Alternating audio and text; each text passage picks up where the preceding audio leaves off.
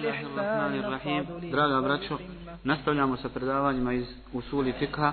Došli smo do četvrtog izvora, autentičnog izvora na kojeg se oslanja ova vjera i koji je dokazom za ovu vjeru i izvlačenje šerijatskih propisa. A to je kijas, odnosno analogija, odnosno poređenje. Šta je to analogija? Kako definišu islamski učenjaci, odnosno učenjaci usulifika analogiju? Kažu da je analogija izjednačavanje određenog pitanja sa već postojećom osnovom u propisu zbog zajedničkog im povoda. Znači izjednačavanje određenog pitanja sa već postojećom osnovom zbog, zajedničkog im povoda koji, koji ih veže i koji ih povezuje i spaja. Vidimo da kijas, odnosno analogija, da bi bila ispravna, i da bi se zvala kijasom u šerijetu ima četiri rukna, odnosno temelja. A to je osnova, da postoji osnovno pitanje na kojeg želimo da činimo analogiju, sa kojim želimo porediti. Zatim propis za njega, da imamo znači osnovu, da imamo njen propis, da imamo to novo pitanje kojeg želimo porediti sa osnovom i da imamo zajednički povod među njima. To su četiri rukna, odnosno četiri sastavna dijela analogije, odnosno zajednički povod. Vidjet ćemo poslije toga šta, poslije šta znači povod. To je ono što ih povezuje. Jer da bismo dvije stvari poredili, mora između njih biti nešto zajedničko. Da bi dvije stvari poredili, mora među njima biti neka spona. Da kažemo, ova stvar ili ovo pitanje ima propis kao i to pitanje zbog toga što ih veže ova stvar. Vidjet ćemo poslije praktičnim primjerima. Što se tiče autentičnosti ovoga, ovoga izvora kijasa, kada pogledamo izreke islamskih učenjaka i njihove stavove po pitanju analogije, vidjet ćemo da se uopšteno slažu da je, da je e, kijas, odnosno analogija, šerijetski izvor. Međutim, kada detaljnije e, čitamo njihove stavove, vidjet ćemo da se oni uglavnom podijelili u tri, u tri skupine. Dvije su krajnosti, a jedna je, jedan je srednji stav, a to je stav Ahli sudnata Prva skupina analogiju potpuno negira i ne prihvata a to su upravo skupina koju smo jučer spomenuli kada smo govorili o iđmavu, a to su Zahirije. I oni ne prihvataju kijas kao šerijski izvor. Ne prihvataju analogiju kao šerijski izvor. Zatim druga skupina su oni koji su pretjerali u korištenju kijasa tako da mu daju prednost nad Kur'anom i sunnetom. Znači toliko upotrebljavaju razum i toliko upotrebljavaju analogiju da će često odbaciti i sam kuranski tekst ili hadijski tekst. I postoji znači srednja skupina, to su oni koji koriste kijas, analogiju, to su ehli sunna ali koriste je u okviru određenih pravila. I ako se ta pravila ne ispune, oni ne koriste kijas. A koja su to pravila? To su sljedeća tri pravila. Prvo, da u pitanju koje, o kojem želimo da donesemo stav, nema jasno kuranskog ili hadijskog teksta. Ako imamo jasan kuranski hadijski tekst, analogija se ne prihvata. Jer postojanje hadijskog ili kuranskog teksta ovaj, isključuje upotrebu kijasa. Drugi šart, drugi uslov da analogiju koristi ili da sa analogijom, odnosno poređenjem dođe alim koji je sposoban, alim muštehit koji je ispunio uslove ištihada. I treće je da taj kijas, odnosno da ta analogija bude ispravna. Ovo su tri, tri pravila u okviru kojih se može koristiti kijas. Ako samo jedno od ovih pravila fali, kijas ehli sunne valđemane ne koristi. Znači da bude u okviru, da, bude, da ne bude teksta iz Kur'ana i sunneta, da, to, da ta, tu analogiju donese učenjak koji je sposoban za to, koji ispunio uslove i štihada. I treće, da, da taj kijas bude ispravan, jer nije svaka analogija ispravna u šerijetu. Kijas, odnosno analogija kao ovakva, je mizan, odnosno vaga koju Allah Želešanu uspustio da bi ljudi sa njom presuđivali. Allah Želešanu kaže Allahu enzel el bil haqqi wal mizan. Allah je taj koji je objavio knjigu sa istinom i vagu je spustio. Kaže Imam Ibnul Kajim, kaže ispravna analogija je vaga koju Allah spustio među, među muslimane, među ljude. Znači ispravna i zdrava analogija je vaga koju Allah spustio među, među ljude. Šta su dokazi da je kijas autentični izvor i da ga možemo uzeti kao, kao izvor i da možemo ga koristiti u izvlačenju šerijskih propisa? Da, biste, da bi vam bilo jasnije šta je kijas, navešim odmah jedan praktični primjer kako biste cijelo vrijeme mogli, da, kako vam bilo bliže. Vama je poznato da Allah Želešanu zabranio alkohol. Pa su islamski učenjaci gledali šta je povod zabrane alkohola. Pa su našli i složili se oko toga da je povod zabrane alkohola šta? Opojnost. Jer dolaze jasne prede gdje kaže poslanik sa Ma yuskiru kesiruhu kesi minhu haramun. Ono što u velikim količinama opija i jedna šaka od njega je zabranjena. Ili jedna mala količina je od njega zabranjena. Kažu islamski učenjaci, ovo je dokaz da je iskar, odnosno upijanje, povod zbog čega je zabranjen alkohol. Mi sada u današnjem vremenu imamo mnoge stvari koje sliče alkoholu, ali ne, ne govori se o njima ni u Kur'anu ni u sunnitu, kao što je droga. E sada su islamski učenjaci gledali, znači droga, ima li u sebi droga ovaj povod, opijanje, ima i čak jače djelovanje.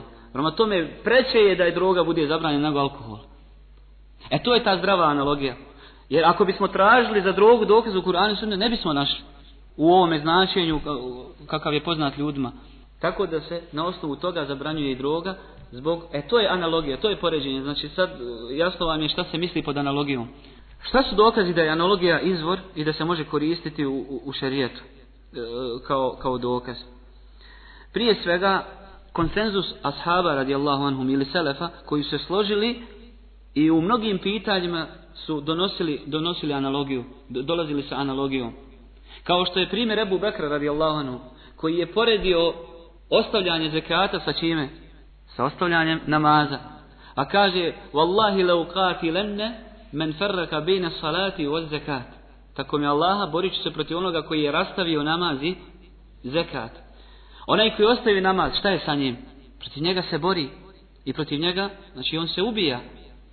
Tako isto Ebu Bekri analogno. Zbog čega? Zbog toga što je namaz rukn. I zekat je rukn, temelj Islama. Znači šta ih spaja? To što su temelji Islama. Analogno tome, ako je namaz, ako se, ako se onaj koji ostavi namaz bori protiv njega, isto tako i onaj koji ostavi zekat bori se protiv njega. To je upotreba analogije kod, kod Selefa.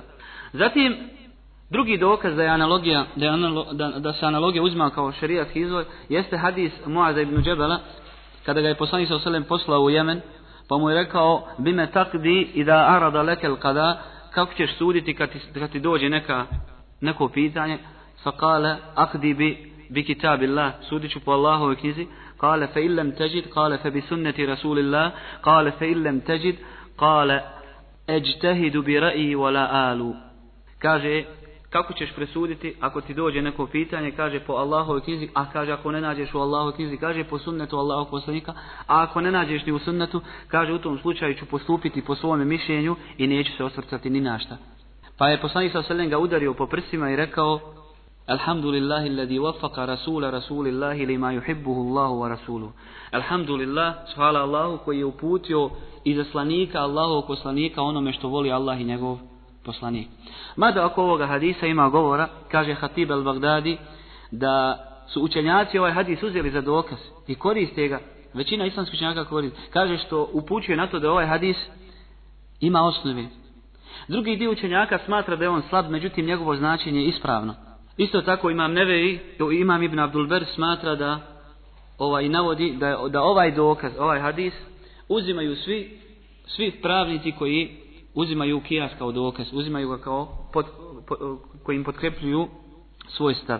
I na kraju razumski dokaz da, da, da, da se analogija upotrebljava jeste da Allah Želešanu nam u Kur'anu, Allah Želešanu nas u Kur'anu postiče na razmišljanje. Pa navede određeni događaj pa kaže razmislite, uzmite pouku i tako dalje. Ako bi doktor rekao čovjeku nemoj jesti ovčije meso jer je štetno za zdravlje. Šta se analogno tome može zaključiti? Da isto tako jedenje kravljeg ili devijeg mesa je štetno.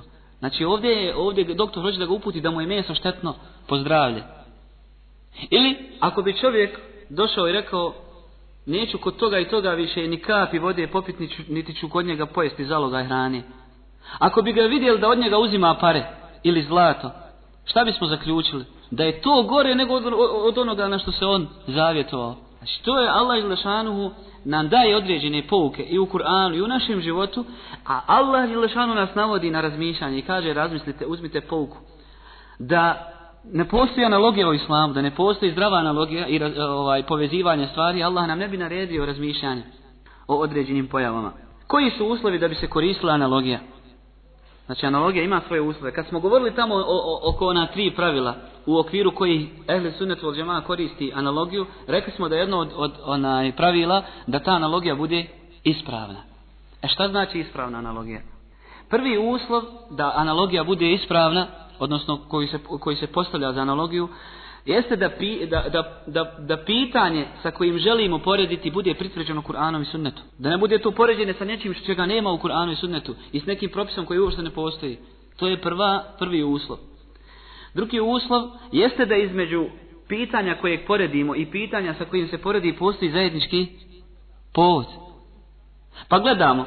Allah Želešanu kaže i nemojte jesti i metak tima Allah u Kur'anu ne spominje šta je sa spaljivanjem metka tima ili upropaštavanjem metka tima, Kaže nemojte jesti. Analogno ovome je zabranjeno i, i paljenje tima tima i upropaštavanje imetka tima, jer Allah Želšanu kada kaže nemojte jesti hoće da ukaže na upropaštavanje. Prema tome paljenje i je tima, analogno je zabranjeno čemu? Jedenju imetka tima, zbog zajedničkog im povoda to je upropaštavanje i metka je tima. To znači mora biti između stvari koja se poredi sa, i, pitanja sa kojim se poredi mora biti zajednički povod koji ih povezuje. Sljedeći, sljedeći uslov jeste da budu, da pitanje, da propis za pitanje sa kojim se poredi i propis za pitanje za koje želimo izvesti ovaj propis jeste da budu na istom stepenu. Da bude poređenje vađiba sa vađibom, da bude poređenje menduba sa mendubom, ako hoćemo da izvedemo propis analogno, na primjer, za mendub i kažemo kao što, je, kao što važi za vađib, tako je i za mendub. Praktičan primjer. Allah Želešanu je dozvolio da se na fila klanja na jahalici. Da se klanja u avionu, analogno tome. Ali ovdje, ovdje pošto se spominje jahalice, mi ćemo zustaviti na jahalici. Allah Želešanu je dozvolio i poslanik je radio to, klanjao je na jahalici, vitr. Jer je vitr dobrovoljni namaz. Možemo li sad analogno tome reći kao što je dozvoljeno klanjanje vitra na jahalici, tako je dozvoljeno i klanjanje akšam namaza u avionu. Zato što je jedno i drugo namaz. Nije dozvoljeno. Zato što je ovo dobrovoljni namaz, a ovo obavezni namaz. Allah Želešanu je dozvolio da se obav, dobrovoljni namaz klanja sljedeći Dozvolio je da se dobrovoljni namaz klanja sljedeći ali se ima pola, pola nagrade. Ali da li je dozvoljeno klanjati obavezni namaz? Ne može znači se doći sa analogijom i reći kao što je dozvoljeno sljedeći klanjati dobrovoljni namaz, tako je dozvoljeno i klanjati fard jer postoji razlika, moraju biti na istom stepenu. Četvrti uslov, da bi analogija bila ispravna, jeste da se ne kosi sa jasnim kuranskim ili hadijskim tekstom. Peti uslov jeste da analogija bude u praktičnim šerijetskim propisima, a ne u akidi. U akidi nije dozvoljena analogija. Zbog čega? Zato što će to odvesti novotarijama i zanemarivanju Allahovog šerijata. Kažu kao što je to, onda je ovako i onda analogno tome uvede se šta? Novotarija. Tako da se analogija koristi u, u praktičnim fikskim propisima, a ne u, ne u akidu. U akidi nije dozvoljeno da se koristi analogija. Šesti uvjet jeste da povod koji povezuje pitanje sa kojim poredimo i pitanje koje se poredi, da bude prelazeći. Da se taj povod može prenositi na, na drugu stvar. Na primjer, koji je povod koji se nalazi u, zlatu i ovaj srebru. Šta je, koja, koja, specifičnost postoji u zlatu i srebru? Vrijednost. Znači, specifičnost zlata i srebra jeste šta? Vrijednost. I kažemo, Allah je Želešanu zabranio kamatu u zlatu i srebru. Znači, u zlatu i srebru ne smije se događati kamata. Sada neko dođe i kaže, kao što e, u zlatu i srebru zabranjena kamata, tako je zabranjena i u bronzi. Nije ispravna ova analogija, zato što bronza nije vrijednost. Zato što ova, ova ovaj specifikum ili specifičnost koja se nalazi u zlatu i srebru ne nalazi se ni u čemu više. Nalazi se samo u zlatu i srebru, to je vrijednost. Normalno i sve ono što, što, je, što staje na mjesto zlata i srebra, to su u ovome vremenu novčanice. Jer je njihovo pokriće zlato, zlato i srebro. Samo su ljudi stavili ovaj papir da bi, da jer je njime lakše, lakše se koristi i upotrebljavati ga, da ne bi nosali sa sobom tone zlata na, na svakom putovanju ili za svaku trgovinu. To je znači povod koji ne prelazi i ne možemo na njega analogno, analogno porediti. A postoje povodi koji su prelazeći, kao što na primjer hranjivost. Ako kažemo da je zabranjena kamata u pšenici, znači ne smije biti osim tri kile za 3 kile, analogno tome kažemo zabranjena je kamata i u riži, jer je i riža hrana. Analogno tome je zabranjena je kamata i u, znači svemu onome što je hrana. Normalno imaju i drugi uslovi da bi, da to bila kamata, to ćemo govoriti kada budemo govorili o kamati i povodima kamati. Ovdje samo navodimo primjere. To su bili, mada ima još uslova koje islamski učenjaci navode za, za analogiju da bi bila ispravna, mi smo nabrojali sedam, jel tako? Šest. Ovaj, ostali uslovi su teže shvatljivi pa sam ja ostavio nisam, ali ovo su ovaj, okosnica uslova za, za ispravnost analogije. Zatim, znači ovim bismo završili sa analogijom. Prelazimo na izvore oko kojih su se razišli islamski učenjaci. Ovo su bila četiri izvora oko kojih su se složili. I znači, kogod uzme neki od ovih izvora u, svo, u, određenom pitanju, ne možemo mu prigovoriti. Normalno ima redoslijed. Prvo se gleda imali u Kur'anu, ako nema imali u sunnetu, ako nema onda imali u konsenzusu, a ako nema onda se tek ide na, na kijas. Nije dozvoljeno doći i reći, znači dvojica se raziđu, i kažeš, kaže jedan od njih, dokaz za mene u ovome pitanju je kuranski ajet. Ti dođeš, kažeš, ja sam ravnopravan sa tobom, jer ja imam dokaz isto tako iz, iz analogije. Ne može nikako. Jer ima pravilo, leć na nasi. Nema ištihada, nema upotrebe vlastnog mišljenja pored jasnog teksta. Znači između njih postoji jedan odnos, oni jesu svi dokazi oko koji se slažu islamski kao vađibi, Postoje znači određene stvari koje su važibi, nama, post, zekat, a jesu li oni svi na istom stepenu? Možemo reći onaj koji ostavi namaz je kao onaj koji ostavi post, ne može. Zato što veliki broj islamskih slučnjaka za namaz, ono, za ostavljanje njegovo, kaže da je nevjernik, da je, da je nevjerovanje.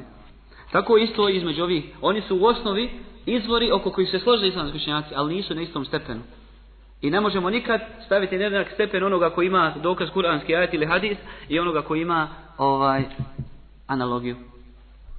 E što se tiče izvora oko koji se različili islamski učenjaci, oni su sljedeći.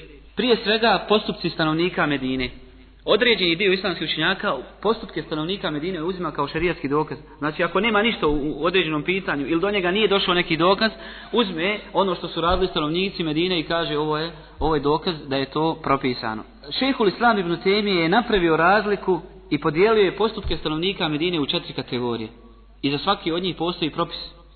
Kaže, prva, prvi, prva grupa ili prva kategorija postupaka stanovnika Medine su oni postupci koji ovaj, su na stepenu rivajeta, prenošenje od poslanika sa osele. Znači gdje oni prenosi od poslanika sa oselem određeni, određeni postupak. Na primjer, koliko je izgledao mud, jer su u hadismu spominje mud pregrš. Koliki je to pregrš. I oni ga opišu, to je toliki i toliki, jer ga je poslanik sa oselem opisao. To je prvi, prva grupa ili prva kategorija postupaka stanovnika Medine koji su uh, dokaz uh, konsenzusom svih islamskih učenjaka. Znači ako stanovnici Medine od e, ashaba i tabina prenose od poslanika sa oselem ovaj, određenu stvar, to biva dokazom u šarijetu. Druga grupa ili druga kategorija postupaka stanovnika Medine jesu postupci koji su se radili u Medini prije fitne koja se dogodila za vrijeme Osmana radijallahu anhu. Prije fitne, znači u vrijeme svetrojice halifa i na kraju Osmana prije nego se dogodila fitna, dok se nego se dogodila borba između ashaba radijallahu anhu. I ovo je šerijetski dokaz, jer je nemoguće da u vrijeme, znači boravka četvorice pravilnih halifa u Medini, da se radi određeni postupak a da on nije šta dokaz. Jer četvorica pravjernih halifa neće raditi ništa osim ono što su vidjeli od poslanika ili su indirektno shvatili od Allahovog poslanika. Kao takav primjer je primjer ezana koji je uveo Osman radi Allahom, drugi ezan. I on ostaje do sudnjeg dana i nije derogiran. Jer nije, nije, ga niko derogirao. Poslanik sa kaže, držite se moga sudneta i sudneta moje četvorice halifa. Tako da taj propis ostaje, ostaje puno važećim. Iako ga, iako ga nije uveo poslanik, nego uveo njegov pravovjerni halifa Osman radi Allahanu, ali nemoguće da Osman ovaj, pogriješi u tome jer je poslanik sa rekao da, da su oni u tim stvarima bezrišni. Normalno ako jedan od njih donese propis, a nikomu se ne suprostavi. ako se desi razilaženje, vidjet ćemo to kad budemo govorili o postupcima ili izjavama ashaba. To je druga kategorija postupaka sa Treća kategorija jesu postupci nakon, znači prvih ovih generacija u poznim generacijama stanovnika Medine. Znači nakon generacija Saba i tabina. Oko ovih postupaka postoji razilaženja Jedna grupa islamskih učenjaka kaže, odnosno to su ovaj, učenici mama Malika, da ono što rade stanovnici Medine i mimo ove dvije generacije, da, da je dokaz u vjeri. I ako stanovnici Medine nešto ne rade, u stvari rade, to biva šarijatskim dokazom ali to je iznimno mišljenje čak i među učenicima mama Malika.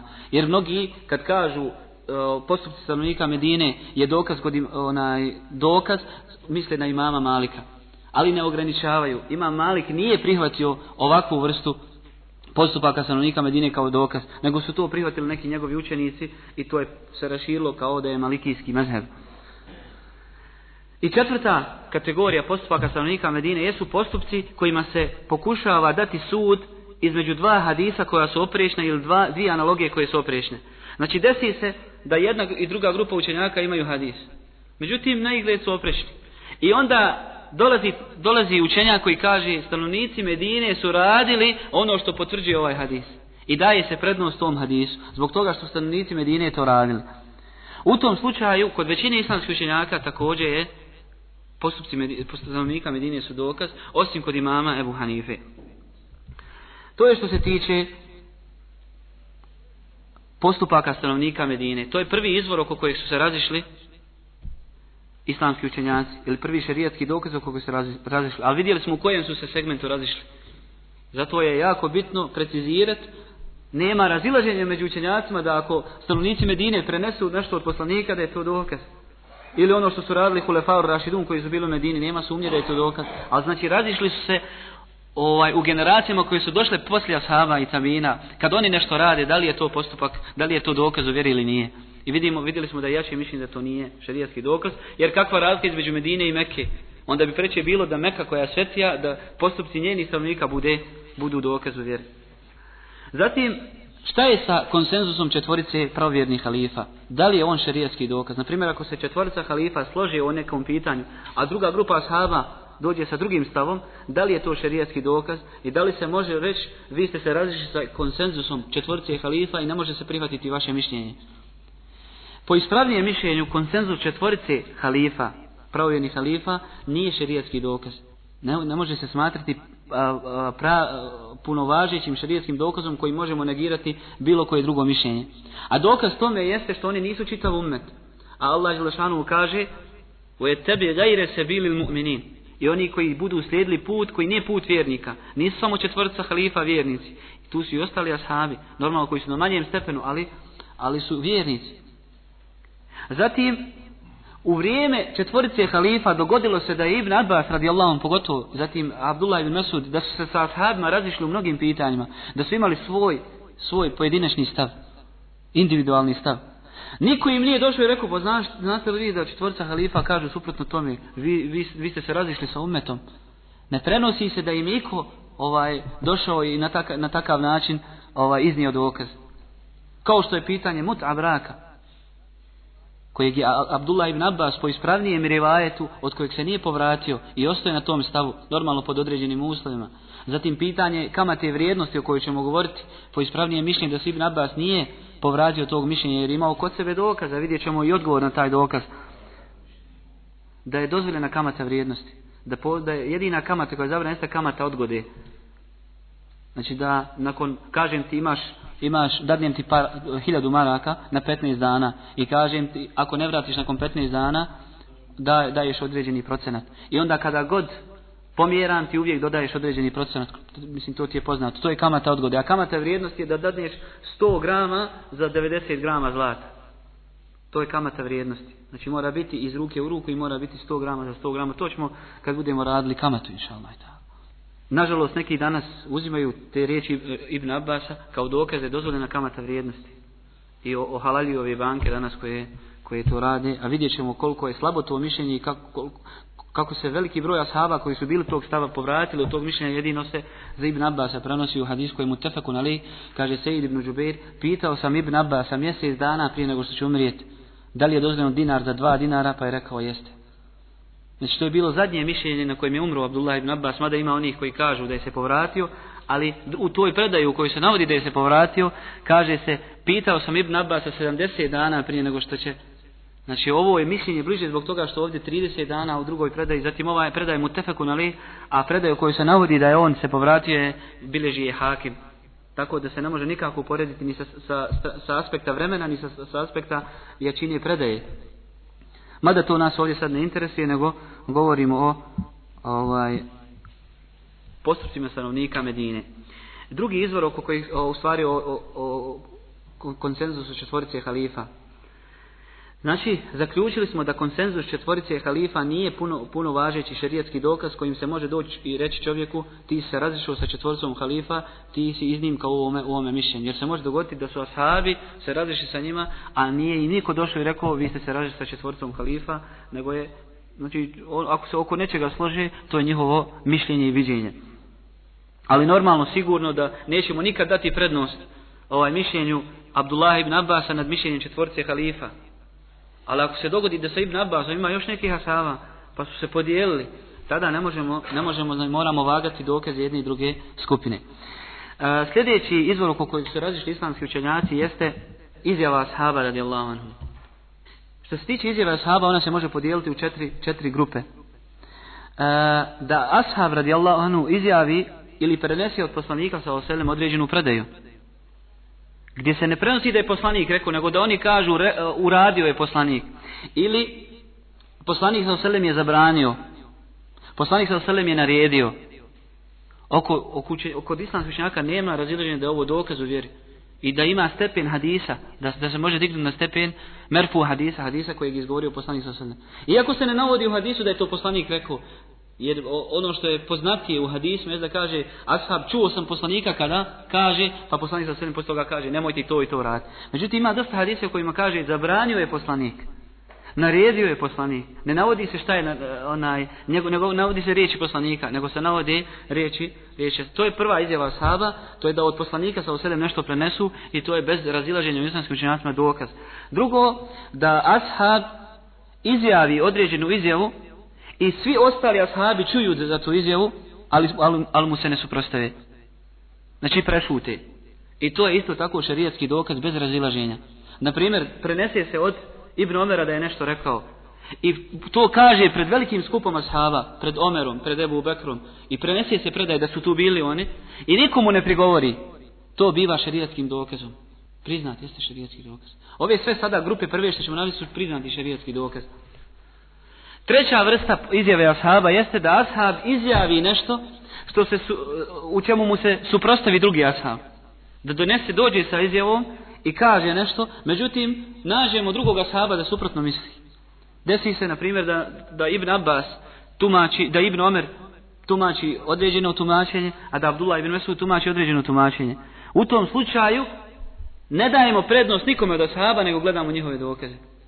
Na primjer, od Ibn Abbasa se prenosi da je rekao za illa ma zahara minha, osim onoga što je onako spoljašnje da su lice i šake. Mada oko ove predaje ima puno govora. Oko ove predaje ima puno govora. Ovaj, ali ono što je poznato među islamskim učenjacima jeste da Ibn Abbas to rekao. A od Abdullah ibn se prenosi da je rekao da je to odjeća. Ne možemo dati prednost ni jednom ni drugom dok ne, ne, pogledamo njihove dokaze. Šta su dokazi jedne i druge, i druge skupine i tako dalje. Znači to je kada se od ashaba prenese izjava, a drugi ashab dođe sa oprečnom izjavom, u tom slučaju se gleda i dokaz, ne daje se prednost nikom od ashaba, osim kod Ebu Hanife on odabire. Imam Ebu Hanifa kaže kada se ashabi raziđu, on odabire od nekog od njih.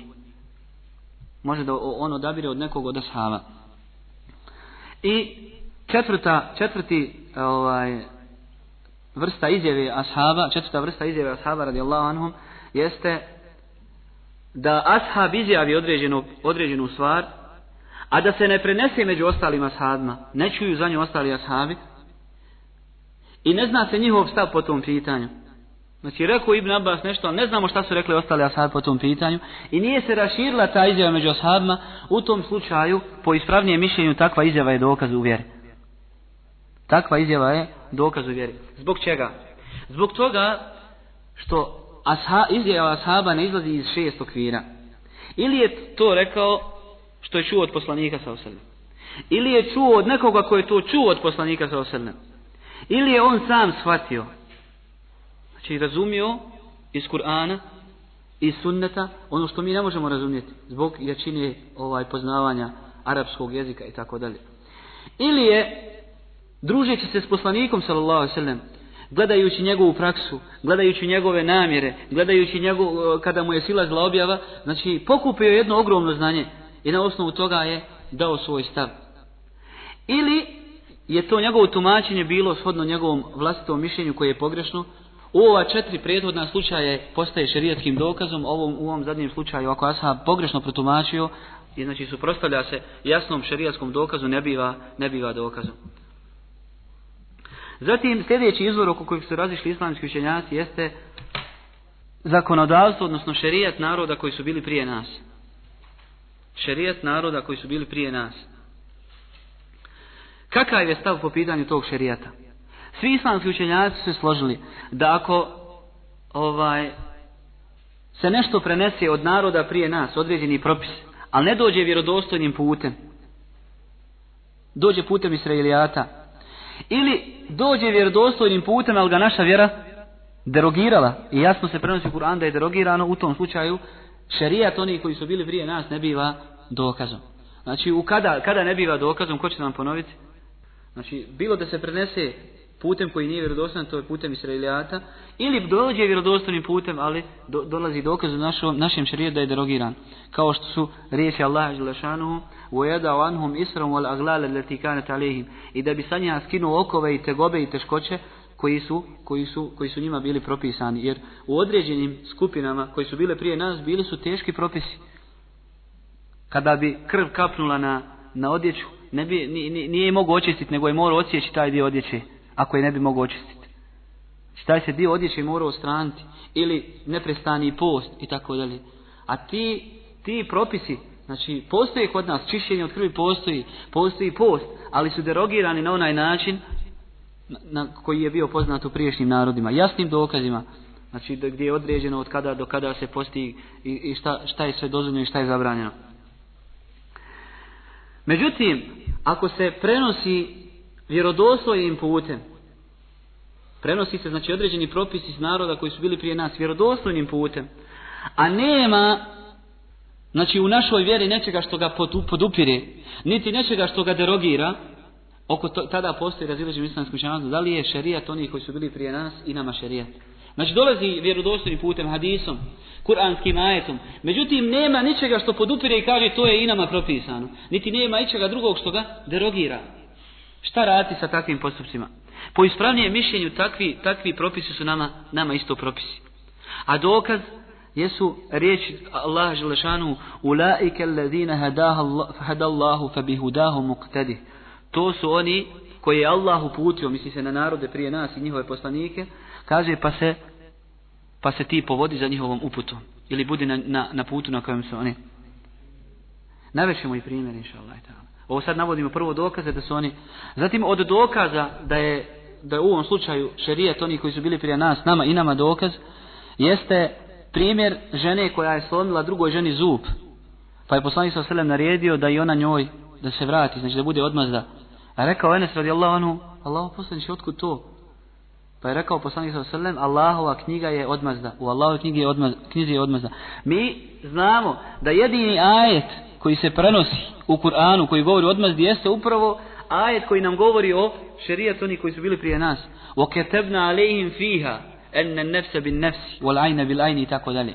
I mi smo im propisali u Tevratu da se ubija znači čovjek za čovjeka da se vraća oko za oko i tako dalje. I ovo je dokaz, znači da je šerijat oni koji su bili prije nas, da, da, da, su dokaz ako Znači nema, ako su došli vjerodostojnim putem i nema ničega što, što ih podržava, niti što ih odbija ili derogira. Što se tiče primjera, određeni islamski učenjaci su upravo zbog ovoga stava, da je šerijat onih koji su prije nas i nama šerijat, dozvolili muhajeu. A muhaja to je vrsta ovaj zajedničko, zajedničko, zajedničke saradnje oko vode. Znači, islamski, ta grupa islamskog učenjaka je dozvolila je da se voda koja protiče zajedno koristi s time što se čovjeku da ti koristi do 12, a ja od 12 tako dalje. Znači da se odredi vrijeme svakom od njih po pitanju zajedničke vode. Šta im je dokaz? Dokaz im je ovaj primjer Saliha, ali i koji je došao normalno Allahom dozvolom sa Kamilom, i rekao ima, ona ima u određenom vremenu da pije, a i vi imate u određenom vremenu da pijete. I kaže ovo je dokaz, znači to što je Salih presudio, odnosno presuda koja je došla od Allaha da je, da, da je i nama dozvoljeno da na osnovu ovoga donesemo propis, a to je da vodu koja nije ničija, koja je zajednička, da je možemo podijeliti i zajedno koristiti. Od primjera jeste da je dozvoljeno lukavstvo u dolasku do vlastitih prava. A kao dokaz uzimaju primjer Jusuf a.s. koji je skrio ovaj pehar u, kolijevku svoga brata i onda je rekao ko, u, se, čijem se tovaru nađe, kaže on će sam biti kao kazna, to jest njega ćemo uzeti kao kaznu za, za to. Znači Jusuf a.s. je ovdje iskoristio lukavstvo da bi došao do svoga prava, to da bi uzeo svoga brata za kojeg se bojao od strane druge svoje braće koji su njega upropastili pa je se bojao da i njega ne upropasti. To je dokaz, znači primjere koje navode islamski učenjaci, da se može koristiti lukarstvo u dolasku do vlastitog prava. I zadnji izvor, kojeg ćemo mi danas spomenuti, ostaje nam još sutra jedan izvor, ovaj, a to je istishab. Pozivanje na već poznatu ili utvrđenu osnovu. Istishab, znači kratko rečeno, znači pozivanje na već utvrđenu ili potvrđenu osnovu da postoji nešto, da, da je šerijat dao ili razum dao, šerijat prije svega, razum dao već svoj stav po određenom pitanju i sad to pitanje, propis za njega ostaje sve dok ne dođe nešto što ga diže. I ako nam neko dođe i hoće da promijeni tu osnovu, mi kažemo nestesivu bil asr. Pridržavamo se, pozivamo se na osnovu. Allah Đelešanu to nije propisao, ti moraš donijeti dokaz da je to propisano. Jedna od tih osnova je beratu, beratu zimme, odnosno el beraetul aslije, neobaveznost. Znači da ljudi neobavezni u činjenju nečega sve dok ne dođe iz šerijata pouzdan dokaz da su obavezni da to radi. To zove beraetul aslije. I to je to pozivanje na, taj, na, tu, na tu osnovu. Primjer je, ako se desi da, da čovjek ima vlast nad nečim, s opravdanim razlogom, na primjer čovjek je trgovo i zaradio određena sredstva. Znači osnova je da je to da je da su ta sredstva njegova. I sad dođe neko i kaže, ovo je moj auto. Mi se vraćamo, pozivamo se na osnovu. Pozivamo se na osnovu da je on to, znači, šerijatski zaradio i sad ovaj koji, mu, koji ovaj, priziva da je njegov auto mora doći sa dokazom koji, koji izvlači, izvlači ga iz ove osnove. Na tome ostaje u osnovi. Ako bismo kod nekoga vidjeli olovku i došao drugi i kaže to je moja olovka, osnova je da je olovka kod ovoga i da je njegova dok ti ne dokažeš da je tvoja. I ako bi došli pred sudiju, sudija lahko može prepoznati koji od njih tuži, a koji je tuženi. Tužioci tuženi. Zbog čega? Zato što tuženi, i to je osnova, znači tako se prepoznaje, tako kadija prepoznaje šerijatski tužioca i tuženog, zato što ovaj kod sebe nosi i to je osnova. Znači onaj koji, to je u urfu, u, urfu, u običaju naroda, da onaj koji kod sebe drži nešto u ruci, da je to njegovo. I sad onaj koji koji tuži mora donijeti dokaz da je jasan dokaz da, da je to njegov, njegovo pinkalo u ovome slučaju. To je istishab, to, to, je znači istishab. Kod određenih islamskih učenjaka ovaj istishab je dokaz. Ali najbitniji detalj gdje se desilo razilaženje kad je u pitanju pozivanje na osnovu jeste da se uzme iđma, konsenzus, kao dokaz na mjestu gdje su islamski učenjaci razišli. Šta to znači? Navećemo primjer. Islamski učinjaci su se ovaj, složili da čovjek ako nema vode, da mu je dozvoljeno da počne klanjati sa temom. Međutim, razišli su ako bi u toku namaza ugledao ili čuo vodu. Hoće li prekinuti namaz i otići, se, ovaj, otići uzeti abdest i ponoviti namaz ili će nastaviti klanjati.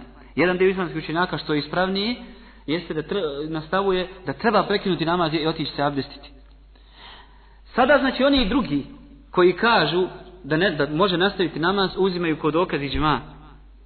I taj iđma donosi na mjesto, znači uzimaju, pozivaju se na osnovu, a to je taj početni iđma, složili su se da se može početi namaz bez abdesta, prema tome sad, samo ta isti iđma prenosi ovdje. Pošto smo se složili da mu je dozvoljeno početi klanjati, isto tako mi taj iđma uzmamo kod dokaz da mu je dozvoljeno nastaviti klanjati. Što nije ispravno. Jer ovdje, ovdje je bio ižma, a ovdje se različite u ovom slučaju ovaj pozivanje na osnovu iđma nije, nije, nije dozvoljeno. Jer je isto tako dozvoljeno onome ovoj drugoj skupini da kaže dobro, ako čovjek vidi vodu prije namaza, je li mu dozvoljeno klanjati namaz sa temom? Složili smo se da nije. E isto tako to slaganje prenosimo sad u namaz, na namaz i kažemo nakon što je ugledao vodu, imamo kao dokaz konsenzus da mu nije dozvoljeno nastaviti namaz. Znači jedna, i druga skupina bi imala, mogle bi, zato u ovom slučaju se ovaj, pozivanje na osnovu ne uzima kao šarijatski, šarijatski dokaz. To je bilo ono što sam imao za danas reći što se tiče usuli fikha. Molim Allaha Želešanu da, da je se ovo shvatilo ili bar većina njegova i da je koristilo i meni i vam.